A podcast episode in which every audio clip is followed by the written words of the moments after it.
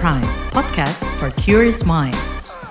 Yuhu, hai Sapieners. Duh bun, cuaca pekan ini tuh kayaknya cukup bersahabat ya. Nggak kayak minggu-minggu lalu gitu yang hujan mulu rasanya. Iya kalau buat gue yang base-nya di Jaktim nih minim curah hujan sih emang besti. Cuman panasnya itu loh ya astaga malam aja panas bener. Eits, tapi bakal ada yang beda loh bun weekend ini. Eh, kok bisa? Lu berguru sama Mbak Rara? Apa magang di BNPT tuh ikutan nebar garam biar hujan? Kagak, kan Imlek Besti. Gimana sih? Hari Minggu besok kan tanggal 22 Januari nih. Ya kan Imlek tuh. Kan biasanya kalau hari H tahun baru Imlek tuh biasanya ya hujan gitu. Benar juga sih. Gua nggak ngerayain sih, tapi kalau di kampung halaman gua tuh di Ponti yang besar juga populasi warga Tionghoa biasanya tuh Imlek tuh paling meriah. Kebayang lo nih dapat kue keranjang, jeruk mandarin, terus pakai baju merah. Uh, paling rame ya di Singkawang itu yang jadi center of Imlek kalau di Kalbar. Kalau lo gimana? Apalagi gue yang uh, emang notabene keturunan Tionghoa gitu. Aduh kayaknya Imlek tuh dari kecil adalah sesuatu yang sangat gue tunggu-tunggu banget. Karena ya itu kita semua yang belum nikah tuh tiba-tiba menjadi kaya raya gitu. Tapi tapi yang jelas nih Imlek kali ini bakal menyenangkan banget karena apa? Long weekend beb. Secara hari Seninnya tanggal 23 Januari kan dipastikan cuti bersama tuh. Uh, I love Monday this time. Tapi by the way, men para craft Sandiaga Uno nih kan sempat ngomong tuh biar warga Indonesia berlibur di tanah air aja pas cuti bersama dalam rangka Imlek. Indonesia kan memiliki banyak banget destinasi wisata biar bisa membantu juga kan nih peningkatan potensi para wisata di Indonesia. Jadi, ke mana Ke mana nih kita, Bun? Um, kalau Imlek tuh paling seru ke pecinan gak sih, Sapieners? Ada sih beberapa pilihan buat yang pengen nyambangin pecinan nih. Salah satunya yang terbesar di Singkawang yang tadi gue singgung itu. Terus ada juga kawasan Petak 9 di Glodok, Jakarta buat yang liburan di ibu kota aja nih. Kalau yang pengen melipir dikit ke Bogor, bisa ngunjungin kawasan komunitas Tionghoa di area Surya Kencana. Kalau di Jawa Tengah ada pecinan Magelang yang berada sekitar 10 km dari Candi Borobudur Borobudur. Terus bisa melipir ke Semarang, ada pilihan kelenteng wisata yang terkenal yakni kelenteng Sampokong di Simongan dan kompleks Chinatown yang tidak jauh dari kawasan Kota Lama Semarang. Terus jauhan dikit nih ke Surabaya, Jawa Timur, ada kelenteng tertua di kota Surabaya, kelenteng Hong Tiek Hian. Nah, Sapeners tinggal pilih dah tuh ya. Jangan lupa juga nih angpau kali buat kita berdua. Itu yang paling penting. Anyway, kamu lagi dengerin FOMO Sapiens dari Kabar Prime, jalan pintas yang gak bikin kamu ketinggalan berita atau peristiwa di sekitar kamu. Bersama saya Ian Hugen. Dan saya Aika.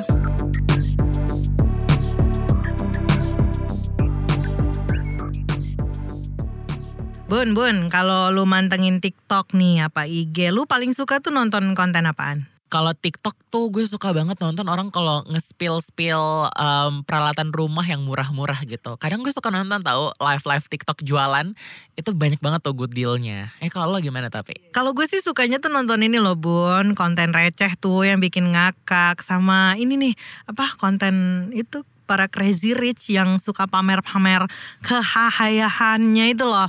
Kayak dari makan di resto atau lo nginep di hotel bintang 5, naik mobil mewah, pakai barang branded. Ya tapi namanya juga media sosial gitu. Ya emang tempat pamer juga kan sebenarnya pamer pacar, pamer makanan, termasuk pamer harta. Tapi kalau Sapieners masih ingat nih, Maret tahun lalu kan sempat viral tuh para public figure yang pada pamer harta terus eh dipantengin sama Ditjen Pajak. Iya bener, ada yang sampai keciduk kan tuh ya.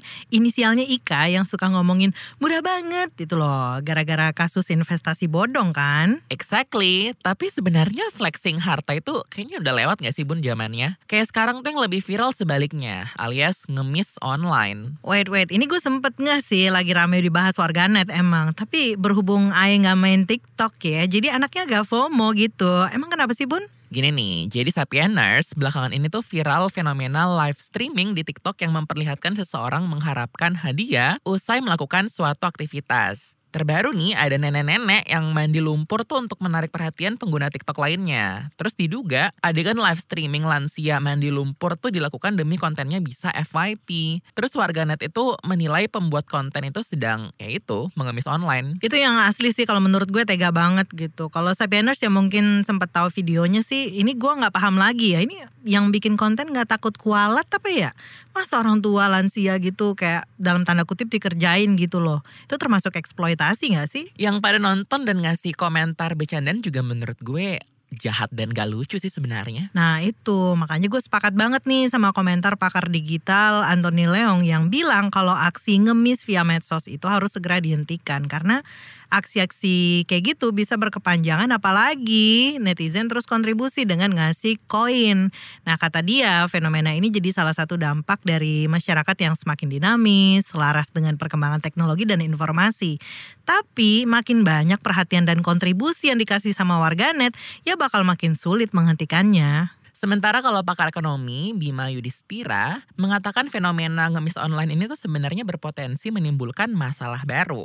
Pasalnya, nggak menutup kemungkinan nih akan menyebar ke platform lainnya. Bima berharap platform media sosial tuh bikin aturan yang lebih ketat terhadap kontennya biar nggak makin dipenuhi sama konten yang tidak bermutu. Eh, BTW, saking viralnya konten ngemis online ini kan pejabat juga sampai ikutan ngomong kan. Kayak Menteri Sosial Tri Risma hari ini juga bilang tuh doi bakal nyari rujukan undang-undang untuk melarang hal itu. Risma juga bilang bahwa pihaknya bakal ngirim surat ke Pemda terkait karena menurutnya mengemis tidak diperbolehkan lewat platform apa pun. Tapi gue setuju banget sih karena maksudnya kayak misalnya ibunya akhirnya dapat duit nih. Nanti kan itu juga pasti bakal menginspirasi orang-orang lain yang mau duit kilat gitu dan akhirnya kemalasan itu akan menular ke banyak orang gitu loh. Tapi kalau menurut lo gimana? Ya kalau menurut gue sih tanggung jawab itu juga nggak hanya ada di si pembuat konten gitu, tapi kita nih yang pada nonton juga punya andil kan. Either lu skip aja gitu nggak usah nonton atau report sekalian tuh akun-akun yang eksploitatif kayak gitu. Plus satu lagi nih, hal yang pernah disampaikan sosiolog Universitas Udayana, Wahyu Budi Nugroho, bahwa seakan-akan nih konten yang dibuat pengemis online tuh dapat diukur dan mendapatkan keuntungan finansial. Sementara kan di sisi lain ada penurunan nilai kemanusiaan gitu dalamnya. Nah sebenarnya nggak ada yang salah nggak sih dengan konsep memberi gitu ya sebenarnya gitu. Tapi stok gue kan itu berbenturan dengan aturan larangan pemberian uang kepada pengemis di berbagai daerah. Dari Perda sampai KUHP juga ada nih Besti.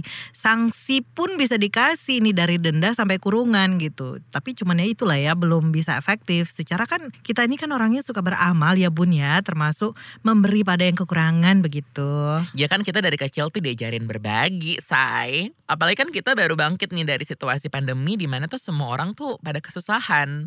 Ditambah nih dengan data Badan Pusat Statistik yang menegaskan bahwa ternyata tuh data jumlah orang miskin di Indonesia tuh mengalami peningkatan, Bun. Oh ya, lanjut. Terbaru nih BPS mencatat jumlah penduduk miskin di September 2022 tuh sebesar 26,36 juta orang. Itu tuh meningkat 200 ribu jiwa dibandingkan sama Maret 2022. Kepala BPS Margo Yuwono mengklaim kondisi kemiskinan di Indonesia tuh karena kita belum sepenuhnya pulih dihantam pandemi COVID-19. Gitu. Hah, terus demi meraup keuntungan oleh oknum tertentu kemiskinan itu lantas dipertontonkan terus gitu. Ya kalau gitu ya yang miskin tetap miskin, yang konten yang dapat duit gitu kan. Semacam pertunjukan kemiskinan dong. Nah, voyeurisme kemiskinan itu sebenarnya kan bukan barang baru ya, tapi kalau masih pada ingat nih dulu sebelum era medsos tuh zaman masih nonton TV yang ada tuh acara kayak uang kaget, uang terkejut atau misalnya bedah tempat tinggal gitu ya. Itu kan mirip-mirip gak sih konsepnya, Bun? Iya, nggak hanya dari bangunan mindset kita lewat acara TV doang sih, tapi kalau sekarang juga lewat pariwisata juga ada gitu kan. Kayak misalnya pariwisata kumuh sebutannya untuk sebuah model nggak biasa gitu dari pariwisata modern yang menyasar sekelompok masyarakat miskin di perkotaan untuk jadi objek wisata gitu.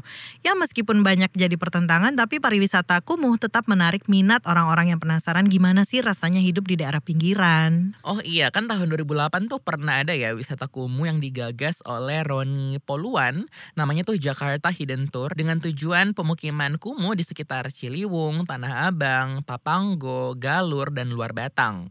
Para wisata kumuh tuh sempat memantik beberapa komentar terkait keabsahannya sebagai wisata tanda kutip. Terus Menteri Pariwisata kala itu Jero Wacik menyesalkan adanya tur wisata seperti itu. Nah, sementara Roni kala itu menyatakan kalau tur itu kan sebagai real Jakarta gitu loh. Gimana Jakarta direpresentasikan sebagai kota megapolitan tapi ternyata ada wajah Jakarta yang disembunyikan. Nah, menurutnya kemiskinan tuh perlu diekspos supaya jadi perhatian bagi kita semua gitu. Tapi gue sebenarnya juga setuju-setuju aja sih dengan um, apa namanya POV dari Roni ya, karena menurut gue that's the real Jakarta gitu loh. But anyway, kemiskinan tuh bukan penyakit ya. Kemiskinan tuh sesuatu yang seharusnya tidak memalukan bagi yang menyandangnya gitu. Tapi bukankah kita tuh sepakat ya untuk menjadi masyarakat yang bisa mewujudkan sila kelima gitu, keadilan sosial bagi seluruh rakyat Indonesia. Iya sih, masalahnya kan ya pendekatannya itu loh bun. Ya nggak konten yang mengeksploitasi orang lain semisal kelompok rentan kayak tadi juga kali. Hmm, kayak ngemis online lah ya. Duh please deh ini tuh kayak nggak ada gitu ya iko-ikoyan season terbaru atau gimana gitu.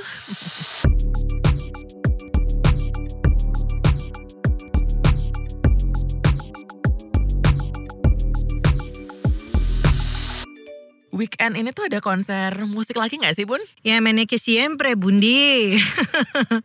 Gue belum jadi menteri penerangan. Tapi emang ada Bun? Eh, menteri penerangan itu kayaknya pas ini deh, lu masih dalam perencanaan. Ketahuan ya umur usianya Sapieners. Ini menteri Orde Baru ya yang suka ngomong. Menurut petunjuk Bapak Presiden. nah itu lu tahu. Seru juga kali ya nonton konser pas Imlek, pas hujan-hujan gitu. Eh, romantis abis. Tapi kalau udah jangan lupa ya Sapieners jas hujannya kudu dibawa pulang juga gitu. Eh tapi by the way Bon, kemarin tuh lo sempat ini gak sih lihat videonya Dikta? Oh iya, gue sempat lihat tuh. Gue gedek juga sih sebenarnya sama netizen ya. Masa hari gini tuh ada yang komentar dalam tanda kutipnya dia bilang gini komentarnya. Kalau pelakunya cewek nggak apa-apa bersyukur lah. Ini kalau cowok yang lain jadi musibah seumur hidup. Apa coba? Iya kayak ya kali deh orang tuh jadi korban pelecehan kok malah disuruh bersyukur gitu ya. Laki-laki kan juga bisa tahu jadi korban kekerasan atau pelecehan seksual gitu. Benar banget. Kalau kita lihat data dari Kementerian Pemberdayaan Perempuan dan Perlindungan Anak di tahun 2017 itu menyebut untuk kelompok usia 13 sampai 17 tahun prevalensi kekerasan seksual terlihat lebih tinggi pada laki-laki dibandingkan perempuan, yaitu sebesar 8,3 persen atau dua kali lipat dari prevalensi kekerasan seksual pada perempuan yang mencapai 4,1 persen. Sementara nih Sapieners, data dari Komisi Perlindungan Anak Indonesia memperlihatkan bahwa korban kekerasan seksual di tahun 2018 lebih banyak dialami oleh anak laki-laki, di mana ada 60 persen anak laki-laki dan 40 persen anak perempuan yang menjadi korban kekerasan seksual. Laporan lainnya nih Sapieners ada dari studi kuantitatif barometer kesetaraan gender yang diluncurkan Indonesia Judicial Research Society atau IJRS dan Infit di tahun 2020. Jadi laporan itu menyebut kalau 33 persen laki-laki yang mengalami kekerasan seksual khususnya dalam bentuk pelecehan seksual. Nah buat ngobrol-ngobrol soal kekerasan seksual pada laki-laki kita udah barengan nih sama peneliti Indonesia Judicial Research Society IJRS Besta Inatsan Ashila. Nah Kak Besta kalau dilihat nih ya dari data-data yang ada ini kan sebenarnya sangat mematahkan gitu anggapan bahwa laki-laki tuh nggak mungkin jadi korban kekerasan seksual. Tapi sebenarnya yang menjadi pertanyaan apa sih yang bikin masyarakat itu punya anggapan soal seolah-olah tuh laki-laki nggak bisa gitu jadi korban kekerasan seksual. Jadi memang ada beberapa hal ya yang menyebabkan kenapa sih masyarakat tuh berpikir bahwa laki-laki itu tuh nggak mungkin jadi korban kekerasan seksual gitu. Nah, di dalam budaya kita itu ada yang namanya toxic masculinity gitu. Jadi adanya anggapan-anggapan di dalam masyarakat kita gitu bahwa kasus-kasus kekerasan seksual yang dialami oleh laki-laki gitu ya itu dianggap sebagai hal yang sebagai suatu hal yang nggak masuk akal gitu. Karena di dalam masyarakat kita laki-laki itu kan dipersepsikan dia harus berani gitu kan. Dia harus berani melawan laki-laki itu maskulin gitu. Jadi harusnya ketika laki-laki mengalami kekerasan seksual dia harusnya bisa cukup kuat untuk bisa melawan itu jadi ada mitos-mitos seperti itu yang pada akhirnya membuat laki-laki itu pada akhirnya mereka tidak mau melaporkan kasusnya gitu. Kemudian yang kedua, kemarin banget saya baru baca kasus laki-laki itu mendapatkan pelecehan seksual dari seorang perempuan.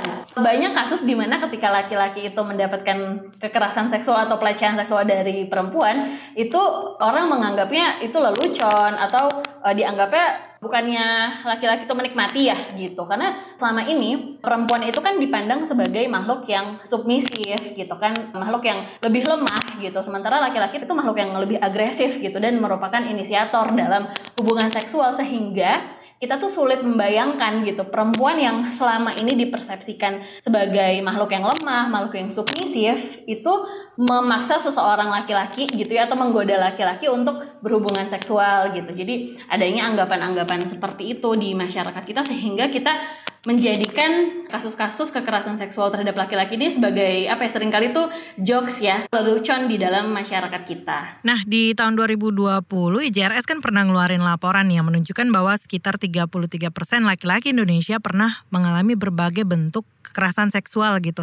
Tapi bentuk-bentuknya tuh apa aja sih kak? Iya benar tahun 2020 kemarin kami melakukan survei kepada 2000 orang masyarakat di 34 provinsi dengan Pembagiannya itu 50% laki-laki respondennya dan 50% perempuan. Kita menanyakan terkait dengan sebenarnya kita nanyain pertama itu terkait dengan bagaimana sih respon mereka terkait dengan RUU tindak pidana kekerasan seksual dan kita juga menanyakan terkait dengan pengalaman mereka dan juga pengalaman orang yang mereka kenal gitu ya terkait kekerasan seksual. Nah, berdasarkan survei yang kami lakukan itu memang ada 33% laki-laki yang mengalami kekerasan seksual dan yang paling banyak itu adalah pelecehan seksual ya. Bentuk-bentuknya itu ada beragam sekali. Ada yang dari mulai dia menerima catcalling, kemudian mendapatkan komentar atau pesan yang bernuansa seksual yang tidak diinginkan. Kemudian ada juga yang diraba-raba atau mendapatkan sentuhan-sentuhan, terus juga menerima foto-foto atau video-video yang bernuansa porno gitu ya atau seksual yang tidak diinginkan. Tapi mungkin gak sih kak sebenarnya nih jumlah korbannya tuh turns out jauh lebih banyak sebenarnya in real life. Cuman mungkin karena mereka banyak laki-laki yang merasa tidak berani untuk speak up gitu atau gimana gitu. Nah, jadi memang selama ini kalau misalnya kita lihat dari beberapa studi memang masih jarang ya penelitian-penelitian terkait dengan laki-laki sebagai korban kekerasan seksual gitu. Jadi penelitian-penelitian yang ada selama ini nih masih fokusnya tuh ke korban perempuan gitu. Dan memang data-data yang ada itu memang masih sangat terbatas lah gitu, masih sangat kurang untuk merepresentasikan jumlah laki-laki yang menjadi korban gitu. Dan memang sebagian besar itu tidak tidak terdokumentasi.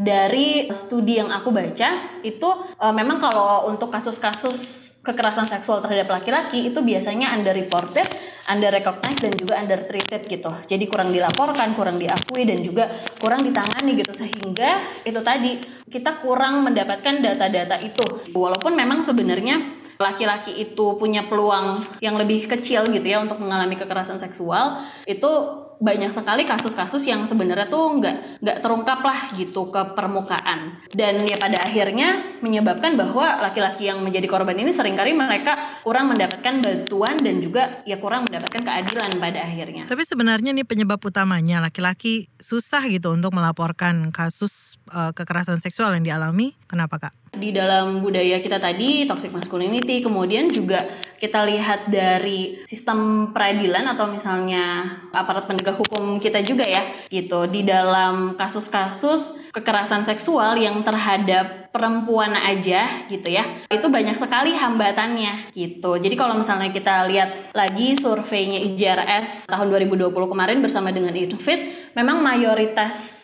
korban kekerasan seksual itu tidak mendapatkan penyelesaian kasus gitu. Jadi ya udah kasusnya itu berakhir begitu aja. Kemudian juga 40% itu pelaku itu membayar sejumlah uang dan hanya 19% yang akhirnya tuh pelaku dipenjara. Selama ini dalam kasus-kasus kekerasan seksual terhadap perempuan aja gitu ya sistem peradilan pidana kita tuh belum bisa memberikan penanganan yang efektif gitu dan juga mudah diakses bagi korban kekerasan seksual. Selama ini aparat penegak hukum kita itu masih belum punya perspektif korban gitu. Misalnya masih ada victim blaming. Misalnya kalau perempuan itu sering kali disalahkan karena pakaiannya atau misalnya tadi kalau misalnya kasusnya laki-laki sering kali disalahkan kenapa kamu nggak melawan kenapa kamu oh, nggak kabur gitu kan. Dan aku ya aku menduga juga dalam kasus-kasus kekerasan seksual terhadap laki-laki itu juga ada victim blaming gitu kan terhadap laki-laki. Selain itu selama ini juga aparat penegak hukum itu ya belum memahami lah kebutuhan-kebutuhan korban gitu. Kita masih mendengar adanya pendamping-pendamping korban itu yang ditolak gitu kan. Kemudian juga banyak kasus-kasus yang nggak bisa diproses hukum karena sulitnya alat bukti gitu. Apalagi kalau kasus-kasus pelecehan seksual ataupun kekerasan seksual itu kan biasanya hanya ada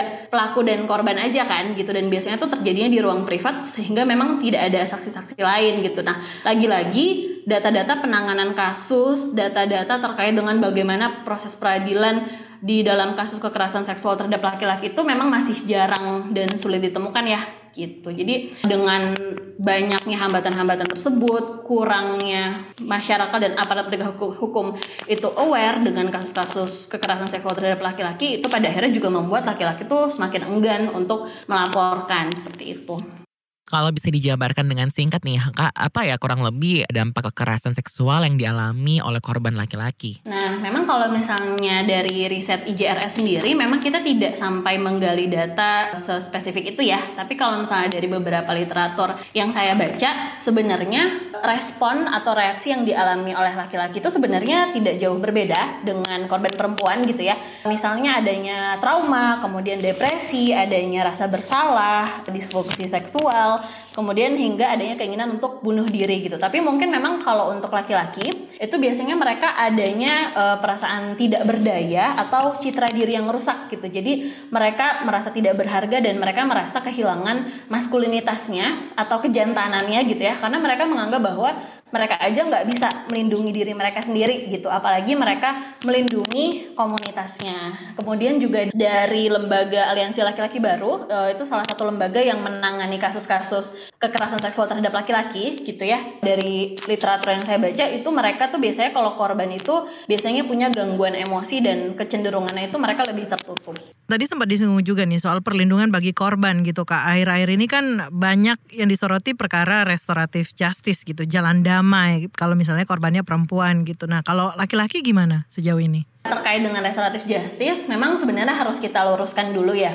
Jadi memang ada mis miskonsepsi gitu, ada persepsi yang salah di sini. Jadi sering kali masyarakat dan juga aparat penegak hukum itu menganggap kalau misalnya restoratif justice itu tuh adalah perdamaian atau penyelesaian konflik di luar pengadilan. Padahal sebenarnya restoratif justice itu tidak sesempit itu gitu. Jadi restoratif justice itu sebenarnya adalah penyelesaian masalah yang berfokus pada pemulihan atas kerugian yang dialami oleh korban dari tindak pidana gitu. Jadi dengan sebenarnya mendamaikan korban atau bahkan dari riset IJRS ada juga korban-korban kekerasan seksual yang dinikahkan dengan pelaku itu sebenarnya sangat bertentangan dengan konsep dari restoratif justice itu sendiri gitu. Jadi kita ingin memulihkan kerugian, kita ingin bahwa pelaku itu menyadari dampak dari kesalahannya dan juga pada akhirnya tuh harusnya pelaku juga tetap menjalani konsekuensi perbuatannya itu secara hukum gitu. Nah, tapi kalau misalnya terkait dengan penyelesaian kasus itu seperti apa sih misalnya kalau misalnya kita lihat dari kasus-kasus yang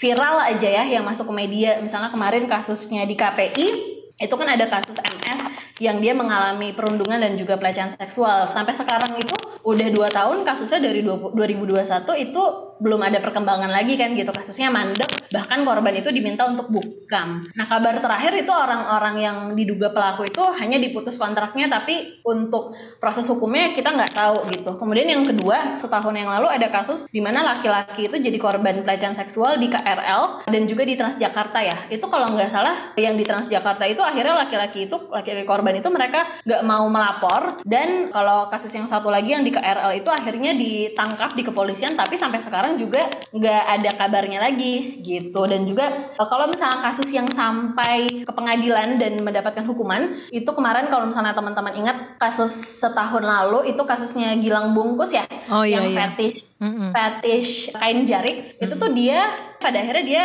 terbukti kan melakukan pelecehan gitu kan pencabulan gitu. Dengan kalau nggak salah itu lima tahun enam bulan di penjara. Tapi kalau teman-teman lihat ya polanya itu tuh kasus-kasus yang viral yang apa namanya cukup heboh di media baru aparat penegak hukum itu baru mau untuk menangani kasus-kasus tersebut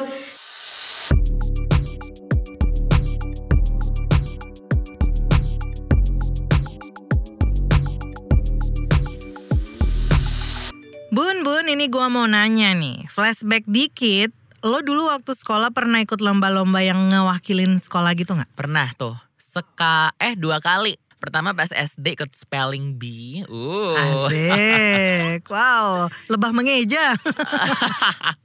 Uh, terus pas SMA pernah lomba band. Anaknya sungguh ini ya, aktif gitu. Kalau gimana? Gue dulu zaman SD kayaknya ikut cerdas cermat deh bun. Sekota Pontianak asik.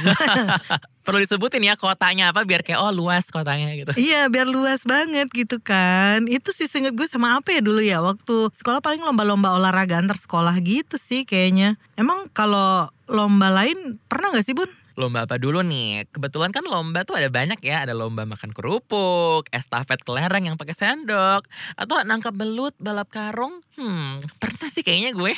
Aduh ini kebetulan juga gue udah pernah ya bun ya pas masih bocil gitu. Biasanya kan lombanya tuh di lapangan komplek atau kalau nggak depan rumahnya Pak RT nih. Tapi bukan itu yang gue maksud. Lomba apa gitu di luar sekolah ada nggak sih bun? Hmm, lomba apa ya? Gue tuh gue tuh kayaknya jarang ikut lomba karena yang gue ikut lomba dua itu gue kalah. Jadi kayak udah deh nggak nggak semangat lagi.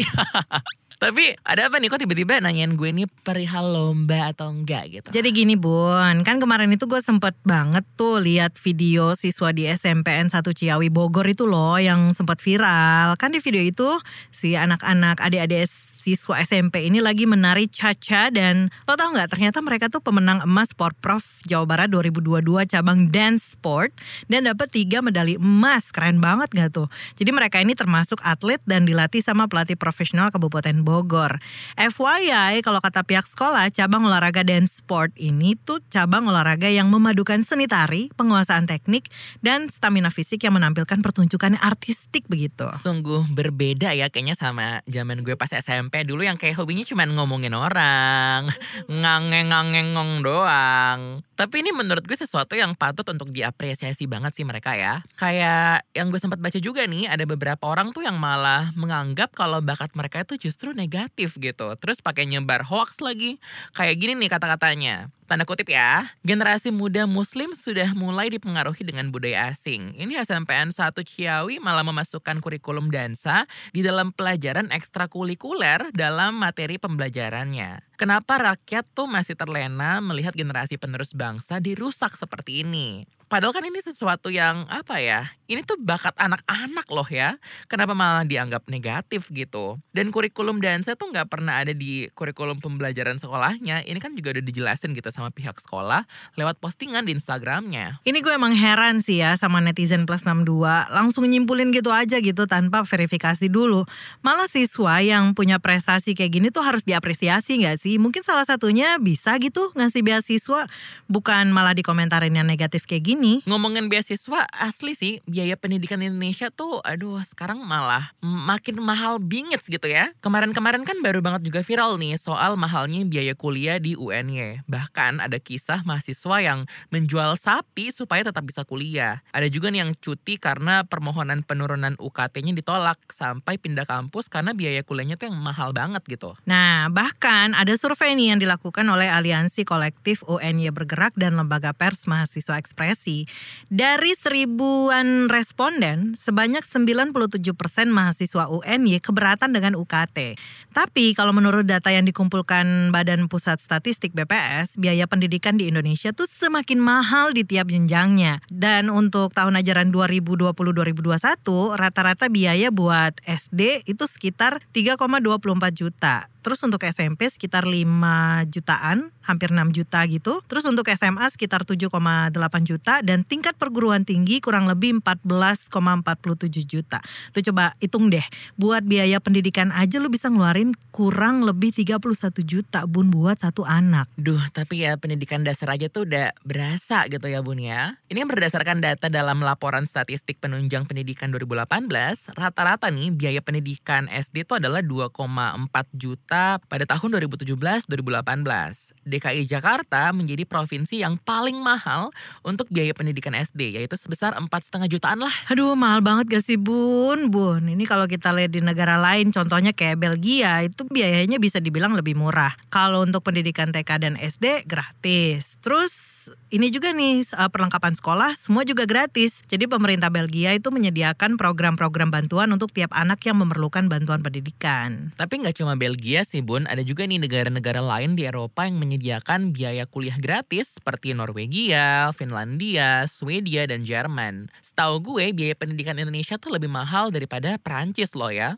Karena biaya pendidikan di Prancis tuh hanya 237 jutaan, sedangkan Indonesia ada di urutan ke-13 sebagai negara dengan biaya pendidikan termahal di dunia dengan total mencapai 269 jutaan. Huh, kan biaya makin mahal nih. Ini juga tentunya ngaruh kan ke SDM di Indonesia. Kalau hak untuk mendapatkan pendidikan aja kehalang, kualitas SDM juga kemungkinan bisa menurun nih. Terus masyarakat dengan perekonomian menengah ke bawah juga bakal makin sulit untuk menempuh menempuh pendidikan. Nah, kalau ini terus berkelanjutan, perekonomian masyarakat bakal sulit terangkat dong karena hak mendapat pendidikan aja sulit. Setuju banget sih, mungkin tuh bisa tahu dengan program bantuan dana pendidikan untuk masyarakat menengah ke bawah dan jalur beasiswa yang dirancang sedemikian rupa untuk mengurangi biaya pendidikan yang tergolong mahal di Indonesia. Lagian nih ya, kan di Undang-Undang Dasar juga udah disebutin tuh pasal 31 Undang-Undang Dasar 1945 ayat 1 dan ayat 2 menyatakan bahwa satu, setiap warga negara berhak mendapatkan pendidikan. Yang kedua, setiap warga negara wajib mengikuti pendidikan dasar dan pemerintah wajib membiayainya. Itu kan yang jadi dasarnya program wajib pendidikan dasar 9 tahun kan? Berarti kudunya sampai SMA nggak sih? Benar juga sih, karena banyak yang lanjutin setelah SMP kan. Makanya pemerintah program pendidikan menengah universal PMU sebagai rintisan wajib belajar 12 tahun.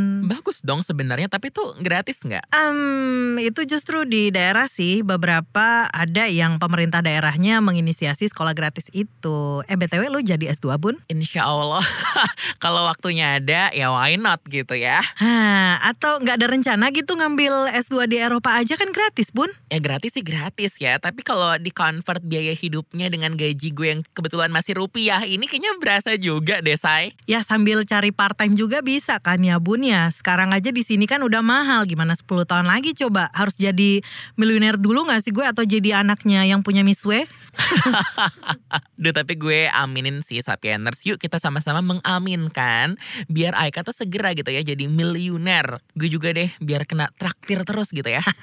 Yang gini ini nih kan ada maunya juga. Itu dulu buat pekan ini. Saya Ian Hugen Dan saya Aika, sampai ketemu pekan depan. Bye